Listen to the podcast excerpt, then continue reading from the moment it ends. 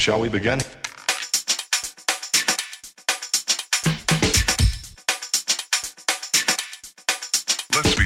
Jeden podcast, jedna misja, jedyne takie miejsce, w którym możesz posłuchać rozmów z podcasterami o ich podcastach i pasjach, o ich pierwszych krokach w podcastingu, sprzęcie i finansach. Przed Wami gospodarz audycji Krystian Zych i jego dzisiejszy gość. Cześć, dzień dobry, witam Was wszystkich bardzo serdecznie. Projekt Porozmawiamy o podcastach powstał przede wszystkim po to, żeby pokazać nowych podcasterów, pokazać osoby, które dopiero zaczynają swą, swoją karierę z podcastingiem, które są na początku drogi podcastera. I mimo tego, że nie zabraknie oczywiście gości, którzy mają już pewne doświadczenie i takich gości będziecie mogli usłyszeć na przykład w następnym odcinku za dwa tygodnie, to oczywiście cały czas tych początkujących, tych, którzy niedawno dopiero zaczęli nagrywać swoje audycje, nie może zabraknąć. Jednym z takich gości będzie nasz dzisiejszy gość. Jest to Wojtek Świętoniowski, który od trzech miesięcy nagrywa podcast Dlaczego nie? Nie mylić z podcastem, bo czemu nie, ale tutaj wyjaśnienie pojawi się w treści rozmowy. Zapraszam więc do posłuchania, co o podcastach, co o nagrywaniu audycji i o tym, czego nie nauczyła nas szkoła, ma do powiedzenia Wojtek z podcastu Dlaczego nie?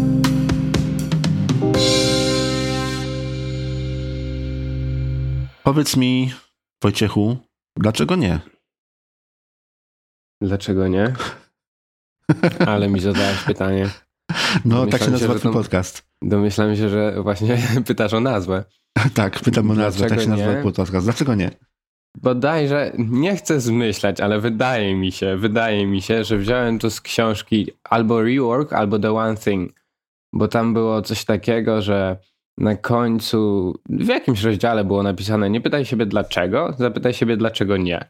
No i Mhm. tak szczerze mówiąc, po prostu wziąłem to i skopiowałem. Miałem trochę obawy, bo w Polsce jest podcast Bo czemu nie bodajże. No właśnie, to I- miało być to moje drugie pytanie. Czy nie boisz się Nie, tutaj podwiązania w tym sensie? Aha. Wiesz co, ja nawet tego podcastu nie słuchałem, ale dowiedziałem się o nim tylko dlatego, że jak wysyłałem mm, taką zachętę do agencji kreatywnych a propos jakiejś współpracy, to jedna z agencji odpisała mi, że okej, bardzo fajnie i że jest podcast o nazwie Bo czemu nie i czy właśnie też się tego nie boję. Ja nie widzę w tym problemu. No wiesz, no to ja mam zupełnie inny content. Nie boję się takiego, że ludzie będą się mylić, bo, bo jakby też mamy trochę inną, inną szatę graficzną. To słowo też nie jest, bo czemu nie, dlaczego nie. No trudno się pomylić wpisując to w klawiaturę. No na pewno. To znaczy się po prostu brzmi podobnie, nie? No wiadomo, Mhm, że jasne. pisząc nie da się tego pomylić, ale Tak. jednak brzmi troszkę podobnie. Jasne. A o czym jest podcast Dlaczego nie? Dlaczego nie podcast? To jest podcast, hmm, ma taką piękny podtytuł Wszystko, czego nie nauczyła nas szkoła. I tak naprawdę nie ograniczam się specjalnie do jakichś, jakichś działów nauki. Myślę, że po prostu każdy temat, który tak mi wpadnie do głowy, to jest to, czego nas nie nauczyła szkoła. Każdy taki bardziej specjalistyczny, nie? To może być coś z psychologii, to może być coś z biznesu, to może być coś z marketingu, to może być coś z finansów. No jest mnóstwo tematów, jest, no szkoła nas nie nauczyła wielu rzeczy. I no, myślę, zdecydowanie. Myślę, że nie myślę- byłaby w stanie nauczyć wszystkiego. tak, to też nie jest jej, jej jakby, szkoła nie ma nauczyć nas wszystkiego, tak? Mhm. Szkoła ma nauczyć nas podstaw, a resztę my się mamy nauczyć. Tylko, że no wiadomo, każdy ma jakiś tam zarzut z tyłu głowy do szkoły, no i cóż, ja staram się ten zawód gdzieś tam naprostować i staram się dawać to, czego nie nauczyła szkoła. A skąd w ogóle pomysł na rozpoczęcie podcastu? Jak to się zaczęło? O, wiesz co, to jest naprawdę gruba historia, bo ja się nosiłem z jakąkolwiek taką działalnością w internecie jakieś 3 lata, 4 lata. I coś tam zakładałem blogi za 4 razy i nigdy ani razu praktycznie nie blogowałem. Zastanawiałem się też nad kanałem na YouTube, tylko nigdy nie miałem pomysłu na jakiś taki bardzo, na content na ten YouTube.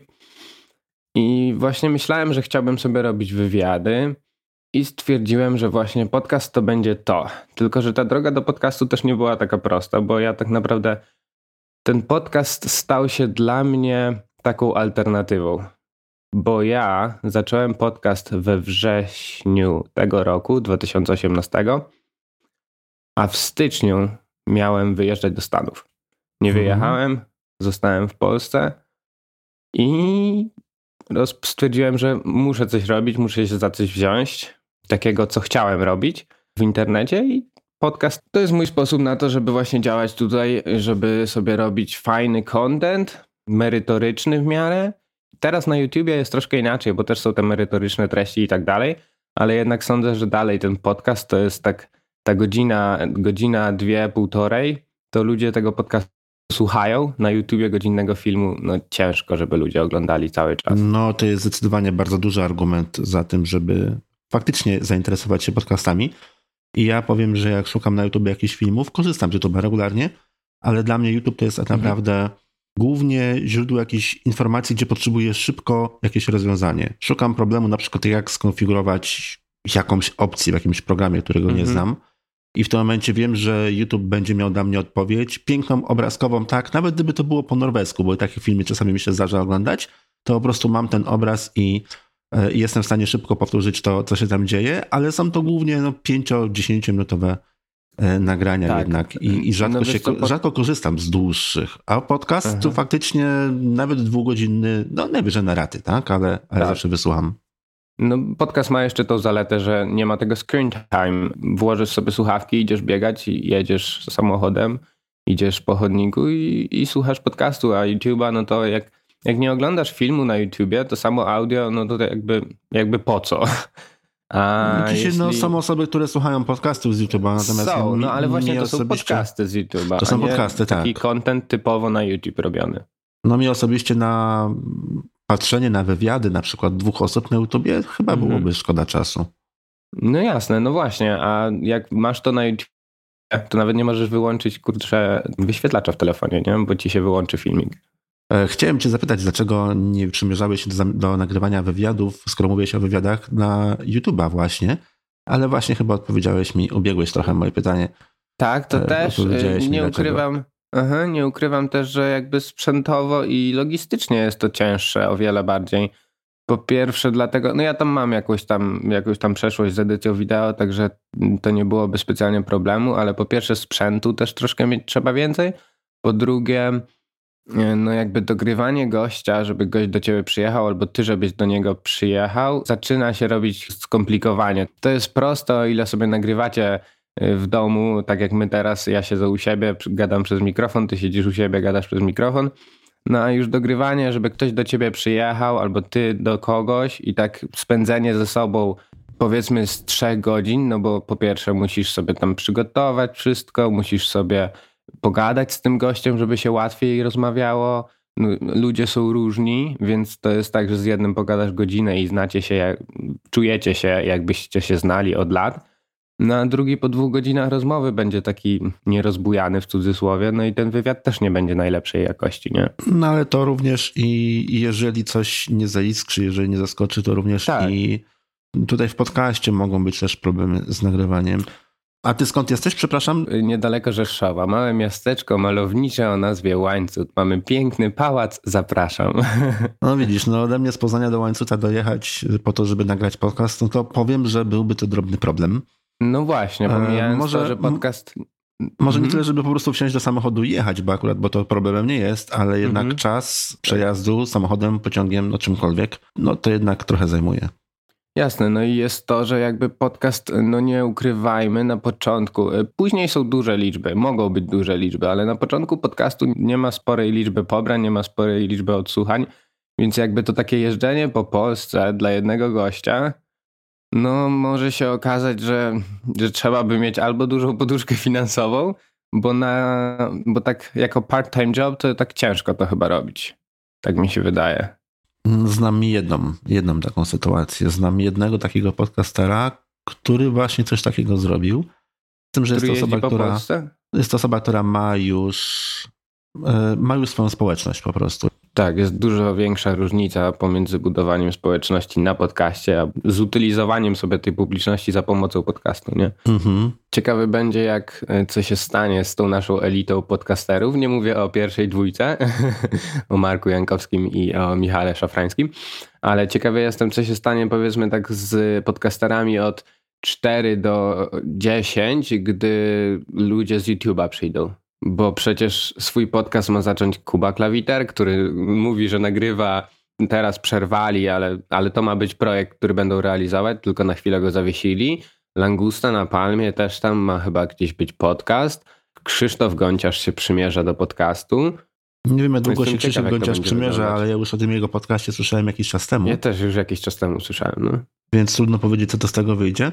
Nie wiem, jak to będzie wyglądało w momencie, jak się pojawią nowe podcasty, ile osób odejdzie od obecnych podcastów, żeby zacząć słuchać innych, ale jak zauważam, obserwuję statystyki, czy swoje, czy swoich klientów, bo edytuję podcasty Mhm. kilku osób, współpracuję z paroma podcasterami i no do niektórych, nie do wszystkich tych osób, ale do niektórych mam dostęp do statystyk, mam możliwość przeanalizowania, jak to, jak to tak naprawdę wygląda.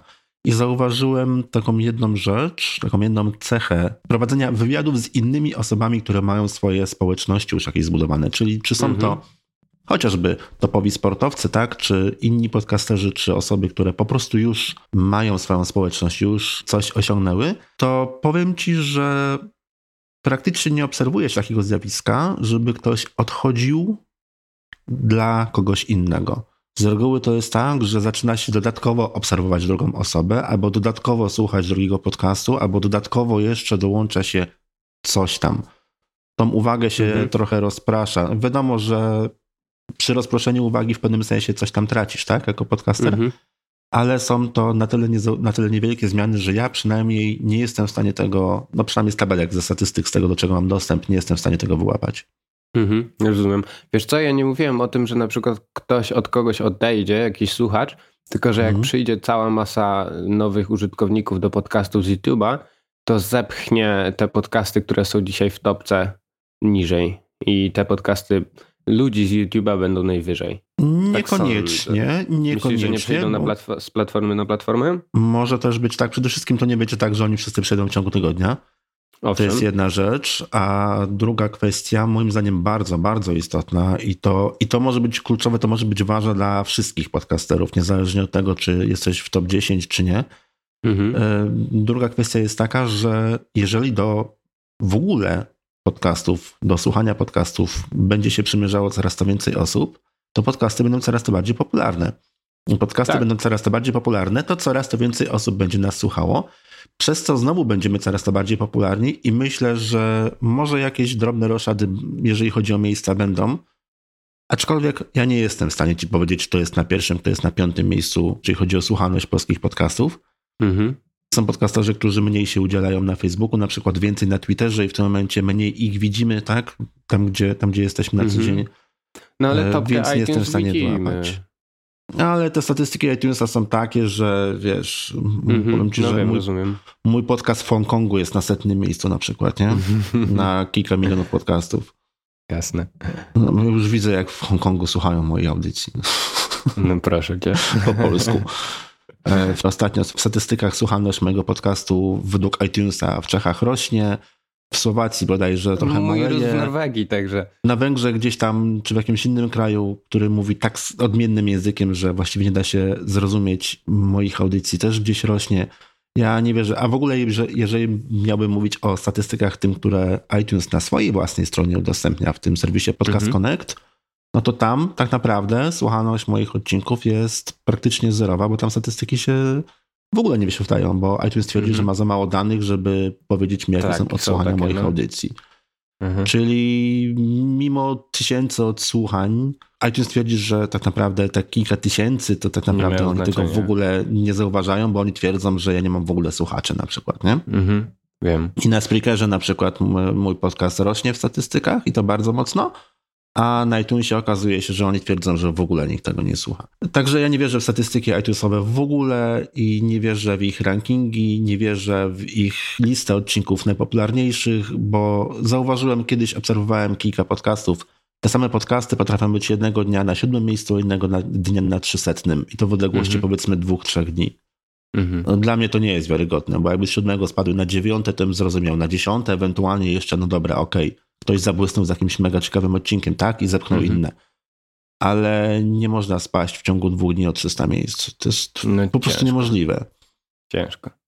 No a co do tego wzrostu popularności podcastów, no to właśnie to jest między innymi powód, dla którego jestem tutaj, a nie nigdzie indziej. Jakbym wszedł na YouTube'a, to bym się musiał męczyć, żeby się przebić. Na blogu musiałbym się męczyć, żeby się przebić. W podcast wszedłem, pomęczę się, ale wraz z wzrostem popularności podcastów urosnę też ja. Organicznie. A, czyli idziesz na łatwiznę, krótko mówiąc.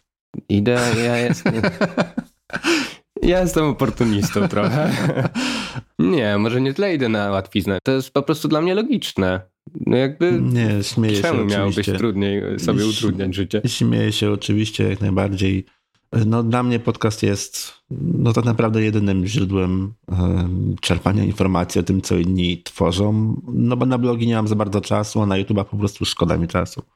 Właśnie. Znaczy, mi na YouTube'a by nie było szkoda czasu. Tylko w tym momencie go mało mam i YouTube gdzieś e, w którymś momencie za parę miesięcy odpalę, ale to nie jest jeszcze ten moment. Tu wiesz, to kwestia też takich priorytetów, ustawienia sobie czego się chce.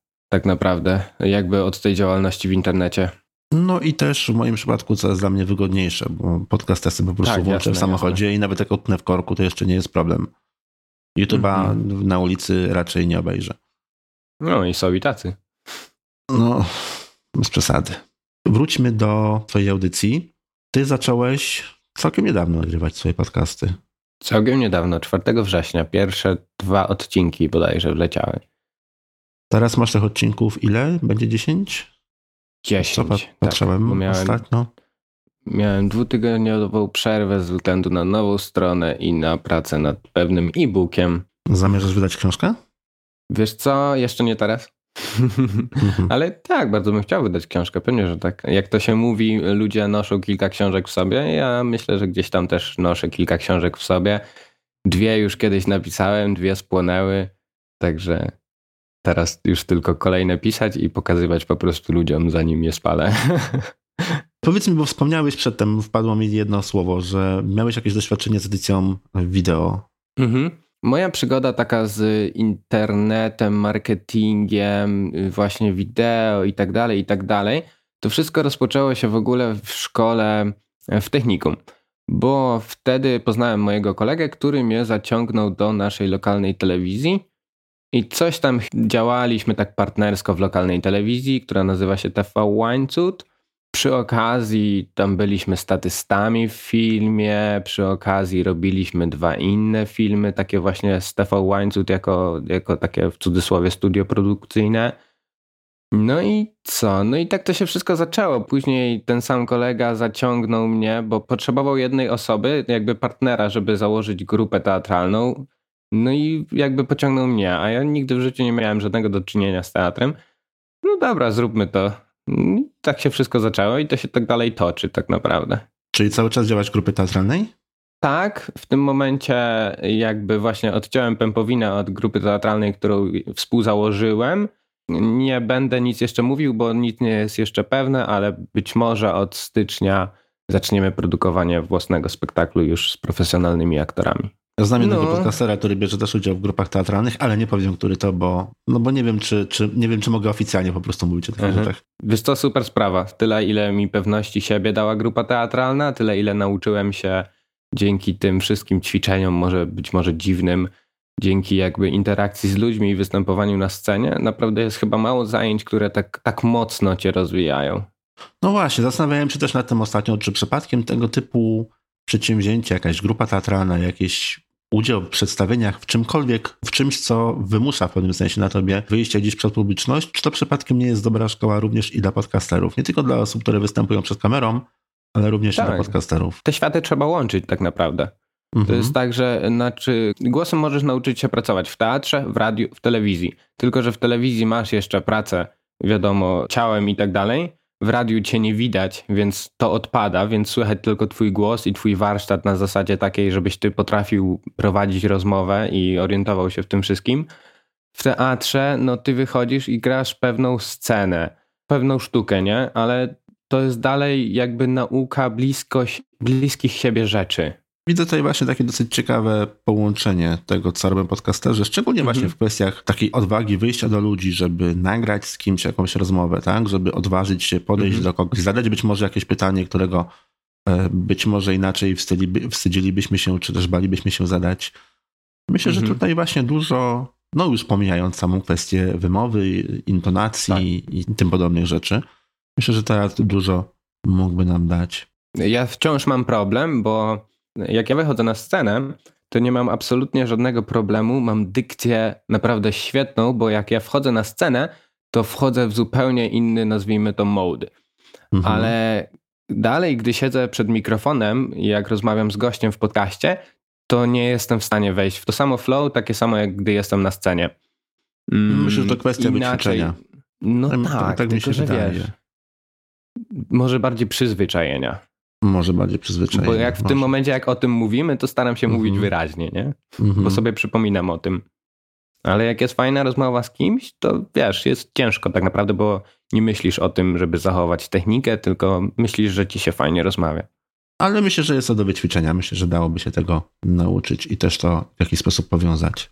Co do pewności siebie, jeszcze takich właśnie odwagi, co do rozmów z innymi i do zapytań innych o udział na przykład w podcaście, no to powiem ci tak, no ja nie miałem problemu być jakby w cudzysłowie bezczelnym i napisać do dużych ludzi, ale pierwszy mój wywiad, no to ja pięć minut przed wywiadem wylądowałem w toalecie, nie? Mimo tego, że, że ludzie mi mówią, że jestem pewny siebie, ja też czuję, że jak nie mam specjalnie problemu z tym. Ale po prostu mnie wzięło. Mój, mój żołądek zareagował takie, nie inaczej. Pięć minut i tyle. Ale to No ale naprawdę... gości, gości swojej audycji, powiem ci, że masz całkiem, całkiem fajnych. Ale będą jeszcze więksi, to tylko początek. Tego początek. Piotr tylko Agnieszka Skupieńska, Marcin Hinc, Monika Kotlarek, Dominik Juszczyk, Marek Jankowski. No Same, same znane nazwiska. Tak. Sama pierwsza liga. Wiesz, co mi się wydaje? E, Ludzie dookoła mnie, którzy mnie znają, pytają się właśnie na jakiej zasadzie, Wojtek, czy ty myślisz, czy ty nie sądzisz, że to tak za łatwo ci idzie? Na takiej zasadzie, że ty się odzywasz do tych ludzi i oni tak, no jasne, czemu nie, zróbmy to. A mi się wydaje, że do ludzi strasznie apeluje to hasło takie wszystko, czego nie nauczyła nas szkoła. Szczególnie do tych ludzi, którzy coś w życiu osiągnęli, oni wiedzą, że szkoła ich tego nie nauczyła, oni wiedzą, że zapracowali sobie na to sami, oni się dzielą wiadomościami w internecie sami, więc dlaczego mieliby nie przyjść i porozmawiać o tym wszystkim, czego nie nauczyła nas szkoła, nie? Mhm. I ja myślę, że to dlatego się udaje tak naprawdę, że jakby to jest w pewnym sensie spójne, że ja nie chcę nikogo specjalnie uczyć, bo jakby wiem, że moje 21-letnie doświadczenie może mi na to nie pozwalać po prostu. No tak, Ale- ale... to możesz powiedzieć Markowi Jankowskiemu o prowadzeniu biznesu, tak? Jasne. Swoją drogą, gdy rozmawialiśmy z Markiem, to Marek powiedział że po godzinie rozmowy, żeby mnie zatrudnił. No ale do wątku. Ja jako 21-letni chłopak wiem, jakie problemy mogą mieć ludzie w moim wieku i jakby z Mhm. tej perspektywy bardziej uderzam. Nie staram się filozofować w tym. Po prostu Mhm.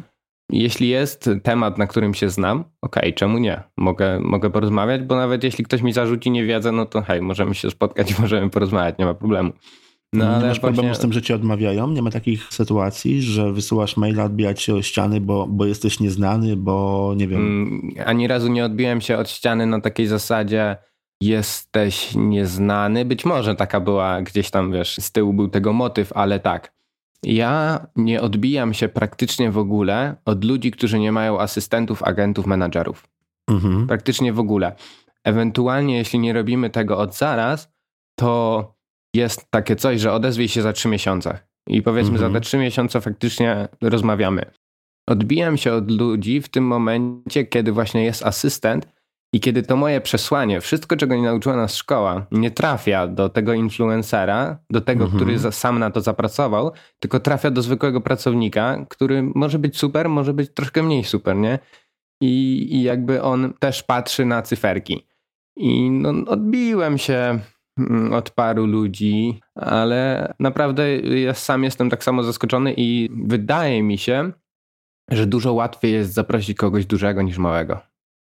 Naprawdę. No widzisz, a jednak wiele niż osób, mniejszego, może nie małego, ale niż mniejszego. wiele osób twierdzi, że jest właśnie wprost odwrotnie, że mm, najpierw próbuje, zresztą wiele osób nawet radzi w ten sposób. Mhm. Wiele nawet mm, osób, które są bardzo znane, które już sporo osiągnęły, radzi właśnie w ten sposób, żeby zaczynając swoją karierę z podcastem, z YouTube'em, z, wywiadami, no z czymkolwiek, w ogóle zaczynając swoją karierę, żeby najpierw rozmawiać ze znajomymi, z rodziną, wiadomo, żeby się nauczyć w ogóle rozmawiać z ludźmi, tak? Mhm. Bo to też jest istotne. Potem kontaktować się raczej z osobami albo mniej znanymi, albo na niewiele wyższym poziomie niż my, jeżeli chodzi o popularność, a do tych najpopularniejszych trafiać dopiero, y, dopiero później, dopiero gdy mamy już jakąś tam Mhm. Swoją markę wyrobioną i coś już osiągnęliśmy i coś po prostu możemy pokazać. I to argumentowane często jest tym, że każdy patrzy, co on z tego będzie miał, tak? Jeżeli poświęcić ci godzinę czy dwie na nagranie, no to co on z tego będzie miał, poza tym, że sobie przez dwie godziny pogada o rzeczach, z którym gada o tysiącem innych Tak. osób. Jasne. No I i, właśnie co? tutaj, tutaj wiele razy, naprawdę wiele razy słyszałem tego typu opinie i no muszę przyznać, że sam się po części z nią zgadzam. Wiesz co, ja się po części z nią zgadzam, tak samo jak ty. Tylko to jest taka kwestia, po pierwsze, co ty chcesz od gościa, po drugie, co ty masz dla niego do zaoferowania, no nie? Mhm. I ja chcę od gościa tak naprawdę, no nie czarujmy się, ułamek wiedzy i ułamek jego zasięgu. Mhm. Tak jest, no bo ludzie, którzy robią wywiady i którzy zaczynają robić wywiady, no jakby nie patrzeć, gdzieś tam pobocznie wybijają się na plecach swoich gości. Zdaję sobie sprawę z tego zarzutu. Ja wiem, że to jest taki zarzut dość pusty czasem, ale są ludzie, którzy wybijają się dosłownie na plecach swoich gości. E, Jeśli chodzi o tą drugą rzecz, co dajesz im? No bo jeśli przychodzisz jako ktoś duży i tak, hej, przyjdź do mnie i ja ci dam, zrobimy wywiad i ja mam zasięgu tyle i tyle, trafisz do tylu i tylu ludzi, nie? Mhm. Okej, i ja tego nie mam do zaoferowania.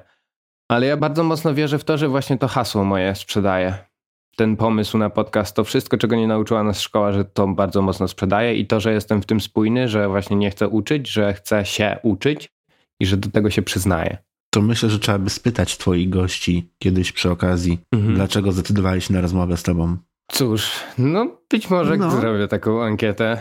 Myślę, że nikt by się nie obraził, gdybyś wprost A spytał. myślisz, że jakie są powody? Dlaczego się zgadzali? Trudno mi jest powiedzieć, ale no powodów jest kilka. Powodów jest kilka. Po pierwsze, na co ja zwracam uwagę? Na przykład dobrze przygotowana oferta, dobrze przygotowane zapytanie, nie wiem, mail, list, no Mhm. cokolwiek, tak? Czyli pierwsza Tak. forma kontaktu. W momencie, jak ktoś pisze e, w pierwszej wiadomości rzeczy, które do mnie nie trafią, to po prostu ja taką wiadomość odkładam na półkę albo kasuję i wiem, że prawdopodobnie do niej nie wrócę. Jeżeli taka wiadomość jest Mhm. napisana całkiem fajnym językiem, jest napisana w fajny sposób i mnie zainteresuje, to nawet jeżeli jest to osoba mi całkowicie nieznana, no to przede wszystkim podoba mi się temat, tak? W tym momencie Mhm. ktoś mnie czymś zainspiruje, zachęci mnie do tego, żeby pogrzebać chociażby trochę w internecie, poszukać kto to jest, czego ode mnie chce i co obie strony mogą z tego mieć. Także dobrze napisana oferta, dobrze napisany list to jest moim zdaniem ważniejsze niż, niż nazwisko. Mhm. No bo jak ktoś ma dobre nazwisko, a napisze coś tak byle jakiego, że nie da się tego czytać, no to po prostu no do śmieci, sorry. Mhm. Druga kwestia to może być temat. Komuś może po prostu podpasować temat, na który chcesz porozmawiać. Tutaj też wiadomo, no tak już takie postacie jak wspomniany Marek Jankowski prowadzi firmę i przypuszczam, że on o tym jak prowadzić firmę to już dostał jakieś pewnie z 50 milionów pytań. Ale Tak, jeżeli tylko- to samo sformułujesz w inny sposób i zapytasz No go o właśnie. inne rzeczy, to może być dla niego też o, ale pod tym kątem jeszcze na, na przykład nie, nie wiem, nie rozmawialiśmy, tak? O moim biznesie. Jeszcze Mhm. tego tematu w ten sposób na przykład nie poruszyliśmy. I to też może być zachęta. Także to może być temat, to może być, tak jak mówisz, to twoje hasło też. Także no tutaj przyczyn może być y, wiele różnych i tak naprawdę dla każdego ona może być inna. Myślę, że to po prostu warto byłoby po prostu zapytać e, przynajmniej No, niektóre to będzie osób. takie, e, dlaczego zgodziłeś się wystąpić w moim podcaście? I taka odpowiedź, dobra wola. Z litości, no? tak, litość, tak.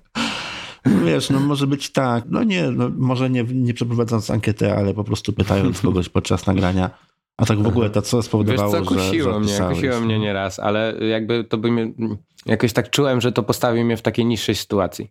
Bo ja zawsze, właśnie to jest też to, ludzie pytają mnie właśnie, czy w cudzysłowie nie boję się napisać do tych ludzi, nie? Tak, kurczę, dlaczego miałbym się bać? W moich żyłach płynie ta sama czerwona krew, co w ich.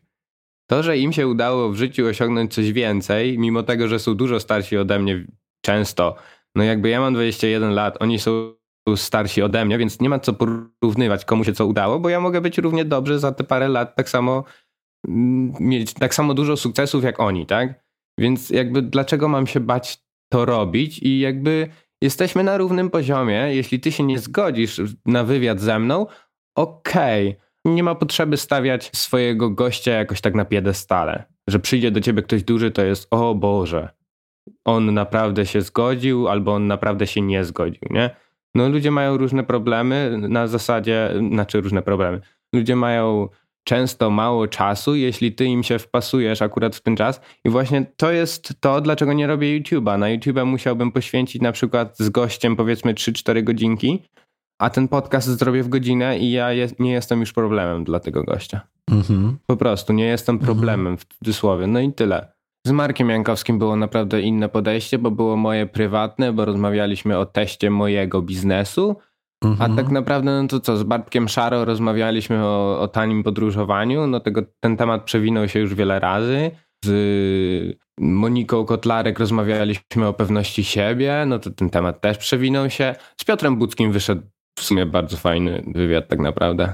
Jest w topce moich najbardziej słuchanych wywiadów. Myślę, że wyszedł fajnie. To był mój pierwszy wywiad z Piotrem Budzkim. Mhm. I właśnie to przed nim miałem problem żołądkowy, i ten podcast poszedł na tyle źle, że ja musiałem go później pociąć, dograć jeszcze raz swoje pytania, przyłożyć, przyłożyć odpowiedzi Piotra i, i jakby tak to ciąłem i montowałem, ciąłem i montowałem, nie? I mhm. dlatego to wyszło dopiero w czwartym odcinku. Ale gdy to wszystko zmontowałem, miałem ogólnie wcześniej takie zarzuty do siebie i wiel... zarzuty i wielkie wyrzuty, że poszło to tragicznie, że, że zmarnowałem naprawdę świetnego gościa. A ten wywiad naprawdę poszedł świetnie. W momencie, kiedy to zmontowałem i, i jakby słuchałem tego, to tak każde pytanie łączy się z kolejnym. I to było takie, może nie teraz, może nie jestem w tym jakiś świetny, cudowny, ale może będzie w tym jakaś przyszłość. No, Piotr jest ciekawą osobą i też ma, no, można powiedzieć, całkiem ciekawą historię do opowiedzenia, tak? Bo mhm. E, jako psycholog jest właścicielem ogromnej firmy informatycznej. Tak. Więc to się wszystko całkiem ciekawie, całkiem ciekawie łączy. No. Piotr mnie zaskakuje na takiej zasadzie, że on naprawdę i tak jak się mówi często w wywiadach, że takie o, chciałem cię o to zapytać, ale wyprzedziłeś moją myśl. Piotr wyprzedzał moje cztery myśli. Ja naprawdę pociłem się, żeby wymyśleć pytanie -hmm. kolejne, bo on odpowiadał na trzy pytania jednocześnie, które ja jeszcze nie zadałem. Mhm. Miałem raz taką sytuację, że właściwie zadałem pytanie, a mój gość po prostu popłynął i mhm. opowiadał tak długo, że mi się skończyła lista. Skończyła mi się lista pytań pomocniczych, lista pytań dodatkowych, lista tak. pytań, które jeszcze mógłbym wymyśleć i w tym momencie mój rozmówca po pół godzinie skończył. Piękny, piękny, naprawdę rewelacyjny monolog. Przerwany tylko co jakiś czas moim mhm. I tak naprawdę w tym momencie to już w ogóle nie miałem pojęcia, o co ja jeszcze mogę go zapytać, bo wszystko, o co mógłbym chcieć go zapytać, o wszystko, co mógłbym chcieć wymyślić gdzieś w trakcie rozmowy, to właśnie w piękny sposób zostało powiedziane i to był problem. Wiem, to jest problem. A co do listy pytań, to ja przestałem jej używać w ogóle. Ostatnimi czasy piszę sobie tylko i wyłącznie zagadnienia, tematy, które chcę poruszyć z gościem i w ogóle nie piszę pytań praktycznie. Bo Słusznie. zauważyłem, że jak za, zacząłem pisać pytania, to był ping-pong, to było AB, AB, AB, AB. Słusznie, bo czasami jak czytam wywiady gdzieś w internecie, to jestem w stanie pokazać palcem, który wywiad był nagrany tak. i przepisany, a który wywiad to było na zasadzie przyślijcie mi pytania mailem, to na nie odpowiem. Mhm. No bo jak ci wyślę pytania mailem, a ty odpowiesz, no to, to nigdy nie będzie płynne.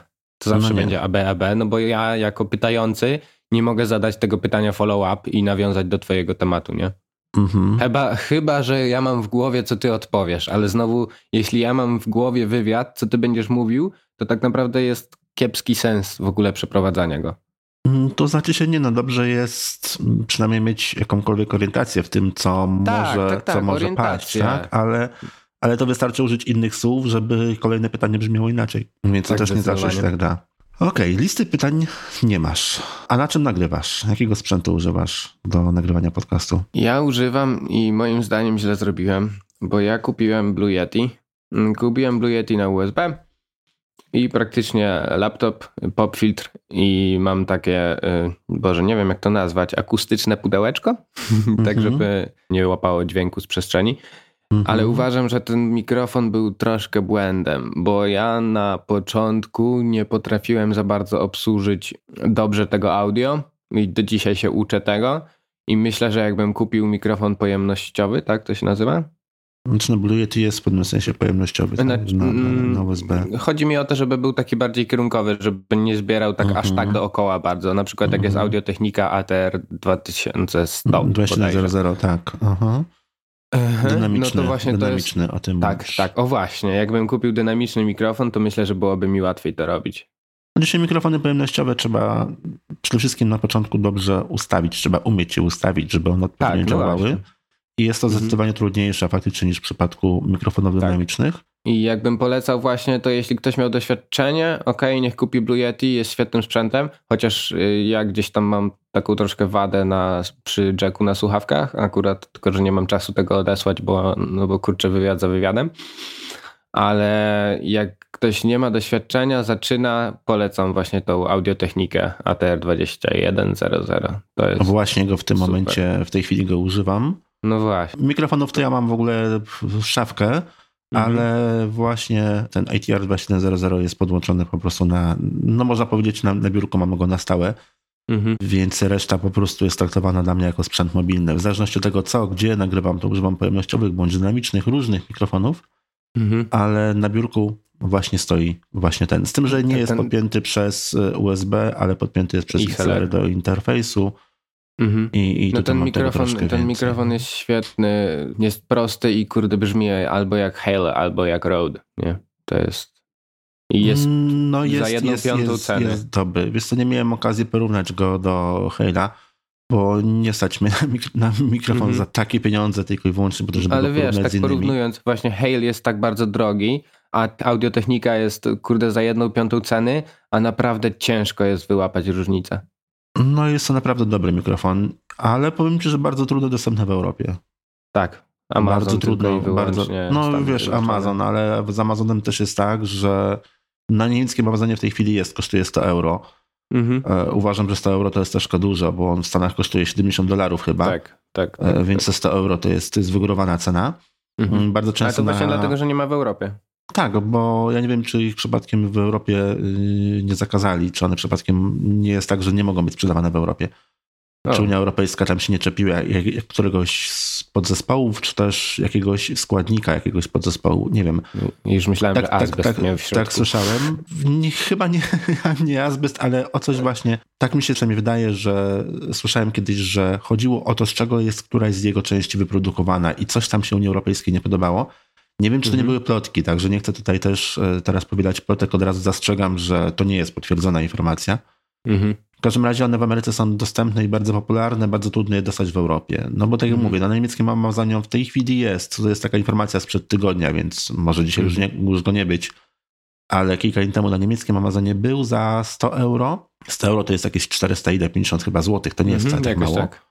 W brytyjskim Amazonie, hiszpańskim Amazonie są praktycznie nie do dostania i jedynie w Ameryce, no to tak, w Ameryce Mhm. tak W Ameryce są 70-80 normalnie popularne. 70-80 dolarów, oni z tego korzystają nagminnie. Ja mój egzemplarz mam właśnie przywieziony, przywieziony przysłany ze Stanów, ale ja go dostałem w prezencie z firmy Blabry. W zeszłym roku na święta, także Blabry zrobiło mi taki piękny prezent świąteczny. Jest po prostu rewelacyjny ten mikrofon. Mhm. Bardzo go lubię. A jego odpowiednikiem dużo tańszym i już dla odmiany dostępnym, bez żadnych problemów w Europie, to jest Samsung Q2U. Jest bardzo, bardzo podobny model. One są wzorowane nawet, e, Samsung jest nawet chyba wizualnie wzorowany na, na, na, na Mhm. tym, na audiotechnice. No i jeżeli chodzi o jakość dźwięku, to no, trudno jest wyłapać różnicę. Wiesz, jest naprawdę, naprawdę fajny. Mhm. No będzie chyba troszkę tańszy, no ale przede wszystkim jest dostępny, tak? Mhm. No ja bym chciał rozbudować ten interfejs. To się będzie działo, ale na sam początek myślę, że mogłem wybrać lepiej. Tak jak są te recenzje i te wszystko takie, że Blue Yeti jest świetne, zajebiste i w ogóle. No to na takiej zasadzie uważam, że Blue Yeti jest troszeczkę przereklamowane. Mi się też tak wydaje. Mhm. Znaczy się Blue Yeti ma dobrą jakość, jak się nagrywa w no, praktycznie sterylnych warunkach. Tak. to, to tak, to, to, to w tym momencie on się sprawdzi, no ale to w tym momencie w takich warunkach sprawdzi się wiele różnie, również i innych mikrofonów. Tak, dokładnie. Także też uważam, że Blue Yeti jest troszkę przereklamowany i troszkę przeceniony. I to zarówno jeżeli chodzi o opinię, jak i o, o jego cenę. A jak nagrywasz? Właśnie, nagrywasz wywiady tylko zdalnie, tak? W tej chwili? Jeden miałem wywiad, który nagrywałem face to face z gościem, ale właśnie przez to, że Blue Yeti nie jest najlepsze na otwarte przestrzenie, y, to był zwykły pokój i niosło się i ta jakoś nie była najlepsza. To był mój drugi wywiad. Tak, w tym momencie nagrywam tylko zdalnie. No, jeżdżenie po Polsce, tak jak mówię, jeśli pojawią się większe zasięgi, zdecydowanie będę jeździł, ale na ten moment no jakby keep shit simple. Y, Nie ma co utrudniać sobie rzeczy, po prostu trzeba robić i tyle. Czego używasz do nagrywania zdalnego? Wiesz co, ja korzystam po prostu z Cleanfeeda przy rozmowie z gośćmi, a jeśli bym sobie nagrywał sam ogólnie odcinek, to bym po prostu nagrywał na Audacity. Z tego korzystam i tyle tak naprawdę. Proste, proste rozwiązanie. Sam nagrywał, czy rozumiem, że mówisz o sobie, tak? Jak tylko, tylko Tak, głos, solo. tak? Mhm. Mhm. Tak, tak. No tak, na Audacity ma tą zaletę, że jest bezpłatny. Czyli Mhm. ceną No bija po prostu ale- wszystkie. Jasne, ale tam jest też na tyle dużo rzeczy, że jakby ktoś, kto nie jest obeznany w audio, w obróbce i tak tego nie wykorzysta wszystkiego. A jak wygląda, tak. jak już wspomniałeś o obróbce, jak wygląda u ciebie proces edycji? Nagrywasz, ściągasz pliki z Cleanfeeda i co dalej? Mhm. I co dalej? Y, W momencie, w którym sobie już nagram wywiad, to jeszcze jak rozłączę się z gościem na CleanFeed, to jeszcze w tym samym momencie nagrywam sobie intro i outro, tak żeby ten dźwięk był na tym samym poziomie, żebym ja był na tym samym poziomie energii też.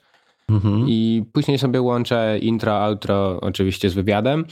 Tam optymalizuję troszeczkę kompresja, troszeczkę mm, normalizację tego dźwięku, ale nie robię jakiejś dużej obróbki tego dźwięku, zdaję sobie z tego sprawę. Myślę, że jakby pod względem audio jest dużo przede mną, jeśli, jeśli chodzi o ulepszenie tego, ale na ten moment mam na tyle dużo zajęć, że jakby to jest taka kwestia poboczna.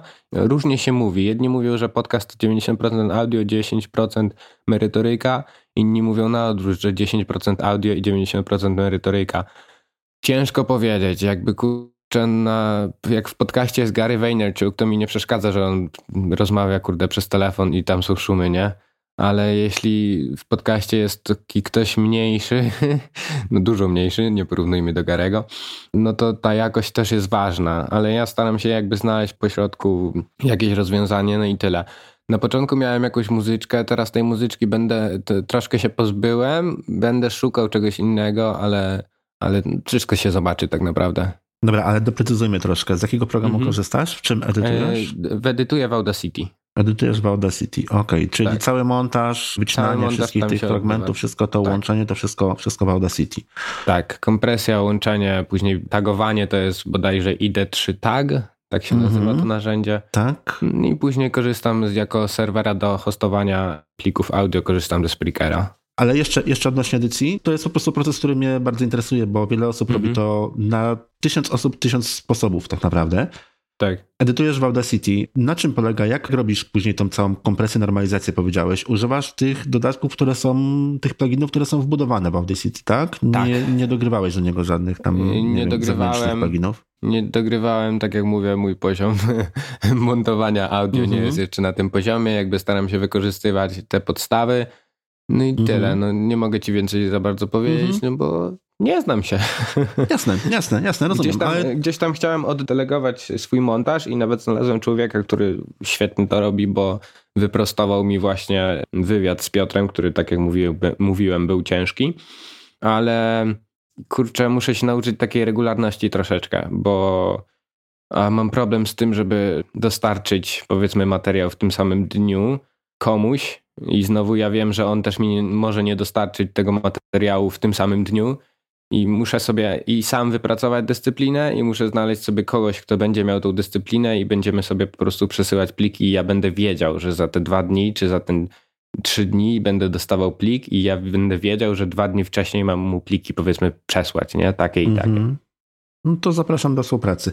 E, Ja edytuję podcasty dla kilku różnych podcasterów i powiem ci, że z tam dyscypliną to jest bardzo różnie, bo od niektórych osób dostaję nagrania kilka tygodni wcześniej, mhm. tygodni, tak, czyli wiesz, dostaję pliki na przykład, nie wiem, dostałem ostatnio pliki od jednej osoby na przełomie października i listopada, mhm. nagrania bodajże 6 tygodni, 6 odcinków do przodu, czyli do no, połowy grudnia, tak? Mhm i w tym momencie no, zupełnie inaczej rozkłada się tą pracę. Tak? Jest ogrom czasu, żeby zająć się jakimiś drobnymi ewentualnie poprawkami, jakimś dograniem, ewentualnie intro, outro, jeżeli coś trzeba zmienić. Mm, natomiast są osoby, które potrafią mi wysłać nagrania w sobotę późnym wieczorem, nagranie, które musi iść w poniedziałek no o 8 rano. No I, I tak też, tak też się zdarza. I to byłaby tutaj... też, te, ja, ja bym był taką osobą. naprawdę, bo nie dość, że ja siedzę po nocach, to naprawdę dzisiaj się obudziłem o dziewiątej i tak się, kurczę, za godzinę wywiad, trzeba się zebrać, jakoś toaleta, zjeść i ustawić sprzęt, nie? Ale mhm. ja naprawdę mam jakoś, tak się czuję, że jak przychodzi godzina dziesiąta, to ja mam ciąg do pracy. Ja do trzeciej powiedzmy siedzę i klepię. Ja bym ci po trzeciej wysłał y, jakieś tam audio do obróbki i tak wiesz, no na ósmą ma być, nie? Mi się wygodnie pracuje po południu. Znaczy się do południa, hmm, pracuję do południa, bo do południa mam czas tak naprawdę na pracę. Mhm. Ale y, w momencie, gdybym miał wybór, na przykład gdybym miał cały dzień wolny i nie byłoby żadnych mhm. innych obowiązków, żadnych innych zadań, to przypuszczam, że do południa bym bardzo dużo czasu zmarnował tak, na różne ja pierdoły. Tak a za jakąś konkretną, rzeczową pracę, taką naprawdę przynoszącą jakieś efekty, to rzadko mi się zdarza, jak mam taką możliwość oczywiście, e, mhm. brać wcześniej niż o 12, 13. I wtedy mogę pracować do naprawdę bardzo późnego wieczora, bo jestem w stanie pracować praktycznie do północy. Mhm. Ale właśnie, ale właśnie wygodnie mi się pracuje po południu. Mhm. Ja mam problem z wyciszeniem się. Jeśli ja y, zacznę pracować po południu, to tak ciągnę, to ciągnę, ciągnę to i ja mam, ja mam w sobie takie poczucie, że ja muszę to skończyć, jak tego nie skończę dzisiaj, to w ogóle będzie bez sensu i nie zjem, nie będę spał, muszę to zrobić dzisiaj, nie? I mam problem właśnie z takim porzuceniem zadania w środku i wyciszeniem się po pracy, bo wiem, że a, może by jeszcze coś tam zrobić, może by jeszcze 5 minut. Takie zalążki pracoholizmu, nie? Jakie plany z podcastem na przyszłość? Jacyś zaplanowani goście albo jakieś pomysły na ciekawe gości? No, z takich y, sekrecików, jak się ludzie domyślą, to będzie, będą wiedzieli. Będę miał jednego z największych blogerów u siebie a propos produktywności, mhm. który trzaska kursy co chwila, który ma już firmę opartą na blogu. To jest jeden. Będę miał pana od narkotyków z YouTube'a. Od razu mówię, że to nie jest człowiek, który był u Karola Paciorka będę miał człowieka od dobrych manier. Chyba wszyscy kojarzą pana w muszce. Znaczy wszyscy, może nie wszyscy, ale część ludzi kojarzy pana w muszce. Mhm. I, no i może na razie tyle. To są takie dość trzy mocne nazwiska, także, także to tyle. A takie plany długosiężne na podcast, no to robimy live'y w perspektywie okay. jakiejś powiedzmy półtora roku, może. No to po prostu. Ale też ogarniamy... na zasadzie podcastu, tak? Podcastu na. Tak, na zasadzie na podcastu mhm. z wideo, z live'em. Mhm. To bym bardzo chciał zrobić. Nawet bym chciał zrobić y, godzinę taką, wiesz, żeby to było wtedy i wtedy o tej i o tej godzinie, żeby nie, nie zaskakiwać ludzi. To byłby taki program na żywo, programik. To byłoby coś, co ja bym chciał robić. No i zobaczymy, jak to się będzie toczyć tak naprawdę. No zobaczymy, bo tutaj w tym momencie no, mówiłeś na początku o tych problemach właśnie nagrywania, tak? Z innymi mhm. osobami, właśnie szczególnie wideo. Tak. tak. Także zobaczymy, zobaczymy, jak się uda te problemy przeskoczyć. Tak, wiesz co, ja dlatego sobie daję czas w tym momencie. E-book leci, niedługo będą lecieć inne różne nowe rzeczy i w tym momencie daję sobie czas na to tak zwane over deliver, czyli dostarczaj jeszcze więcej i mhm. na to, mhm. żeby zdobywać publiczność. I w momencie, w którym już będę miał większą publiczność, to będę miał cokolwiek gościowi do zaoferowania i będę, może nie, nie że będę mógł, ale w cudzysłowie będę mógł wymagać od swojego gościa, żeby, żeby był na tą i na tą godzinę w tym mhm. i w tym mhm. miejscu. Może zdradzić swoje statystyki, jak to wygląda u ciebie w podcaście? Mm, w tym momencie na 10 odcinkach na Spreakerze jest 2800 e, odsłuchań i pobrań razem. 2800 na 10 odcinkach, tak. czyli średnio po 280, 280 na odcinek można powiedzieć, tak? Mhm. Tak. No to jak na początkujący podcast, jak na pierwsze odcinki, Ja myślę, że jest dobrze. To jest, to jest, to jest dobrze. No, to jest dobrze. Wiesz co, właśnie też miałem w głowie takie, czy, czy to jest dobrze, nie? No to jak usłyszałem raz wywiad, y, już nie pamiętam z kim, ale Pata Flyna z kimś tam, to właśnie on mówił, że ma 10 odcinków i 1000 pobrań. I wtedy mhm. Pat Flynn powiedział takie, o kurczę, super, wspaniale, nie? I no ja wiem, że to jest ta amerykańska też pozytywność i optymizm, ale, ale jeśli Pat Flynn na amerykańskim rynku podcastowym mówi, że 10 odcinków i 1000 pobrań to jest dobrze, to ja zastanawiam się, że 2800 pobrań i odsłuchań i 10 odcinków w Polsce, no to jest świetnie. I sądzę, że jakby to mnie też ratuje, że podcast długo żyje. Te podcasty naprawdę cały czas ludzie słuchają. Właśnie to jest różnica pomiędzy medium społecznościowym a wyszukiwarką internetową, bo na przykład iTunes, YouTube to są wyszukiwarki internetowe tak naprawdę. To nie są takie typowe media społecznościowe. Tam nie wrzucamy update'ów, które żyją jeden dzień, dwa dni. Tam wrzucamy rzeczy, które, które ludzie cały czas wyszukują. I po prostu myślę, że podcasty długo żyją właśnie dlatego, że ludzie z iTunes, z Google Podcast, Stitcher i tak dalej, korzystają z tego tak samo jak z wyszukiwarki internetowej. Przede wszystkim, jak ktoś dojdzie, znajdzie Twój podcast za powiedzmy rok, no to bardzo często przesłucha nie tylko ostatni tak. odcinek, ale i wiele wstecz, tak? Mhm. Tak długo, długo nie jest to podcast z bieżącymi newsami, które po prostu przestały być aktualne po, po, po, mhm. po, tygodniu czy po dwóch, no to tak długo różne osoby, które właśnie dotarły do, do Twojej audycji, mhm. po długim czasie będą słuchały również i wcześniejszych odcinków. Pierwsze odcinki mhm. moich podcastów też cały czas pierwsze, no nie tylko pierwsze, ale w ogóle powiedzmy pierwsza dziesiątka, tak? Moich audycji też mają cały czas, odzwierciedlenie w statystykach, cały czas non-stop na okrągło. To wiadomo, to jest mniej niż przez pierwsze tam trzy dni po publikacji, ale e, cały czas są e, odsłuchiwane i cały czas w statystykach gdzieś tam te wartości rosną. No ja mam to samo, tak samo, naprawdę. No jakbym znalazł jakiś podcast, i przesłuchał ostatni odcinek, spodobałby mi się, no to kurczę, no to co mam czekać na kolejne? No nie, no tak jak mi się serial podoba, no to cofam się w sezonach, nie? Tak samo mi się podoba podcast, no to patrzę po odcinkach innych, jakie tam są tematy i staram się czerpać z nich jak najwięcej. Gdzie osoby, które chciałyby znaleźć twój podcast i czerpać od ciebie, gdzie mogą cię znaleźć? Najlepszym wyjściem będzie strona internetowa. Dlaczego nie? Podcast przez c.com i tam już wszyscy sobie ludzie znajdą do Facebooka, do Instagrama, do czegokolwiek. Zapraszam na listę mailingową. Czyli linki do subskrypcji, to wszystko to u Ciebie na stronie, tak? Tak, tak. tak. A jeśli chodzi o agregatory podcastów, to praktycznie wszędzie mnie można znaleźć. Spotify, Google Podcast, Stitcher, Player FM, wszędzie, gdziekolwiek. I jeśli gdzieś mnie nie ma, to mi powiedzcie, ja tam będę. O, zaraz znajdę jakieś miejsce, gdzie nie ma. No dobra, ale nie mówmy o niszowych brazylijskich już katalogach, to już te, te, te, te pominimy. Życzę Ci powodzenia na dalszej drodze podcastowania, mhm. żeby sprzęt Ci służył i no być może do zobaczenia, do usłyszenia gdzieś przy okazji, czy na jakiejś konferencji, czy na jakimś innym spotkaniu podcasterów. Do usłyszenia. Do usłyszenia. Dziękuję bardzo.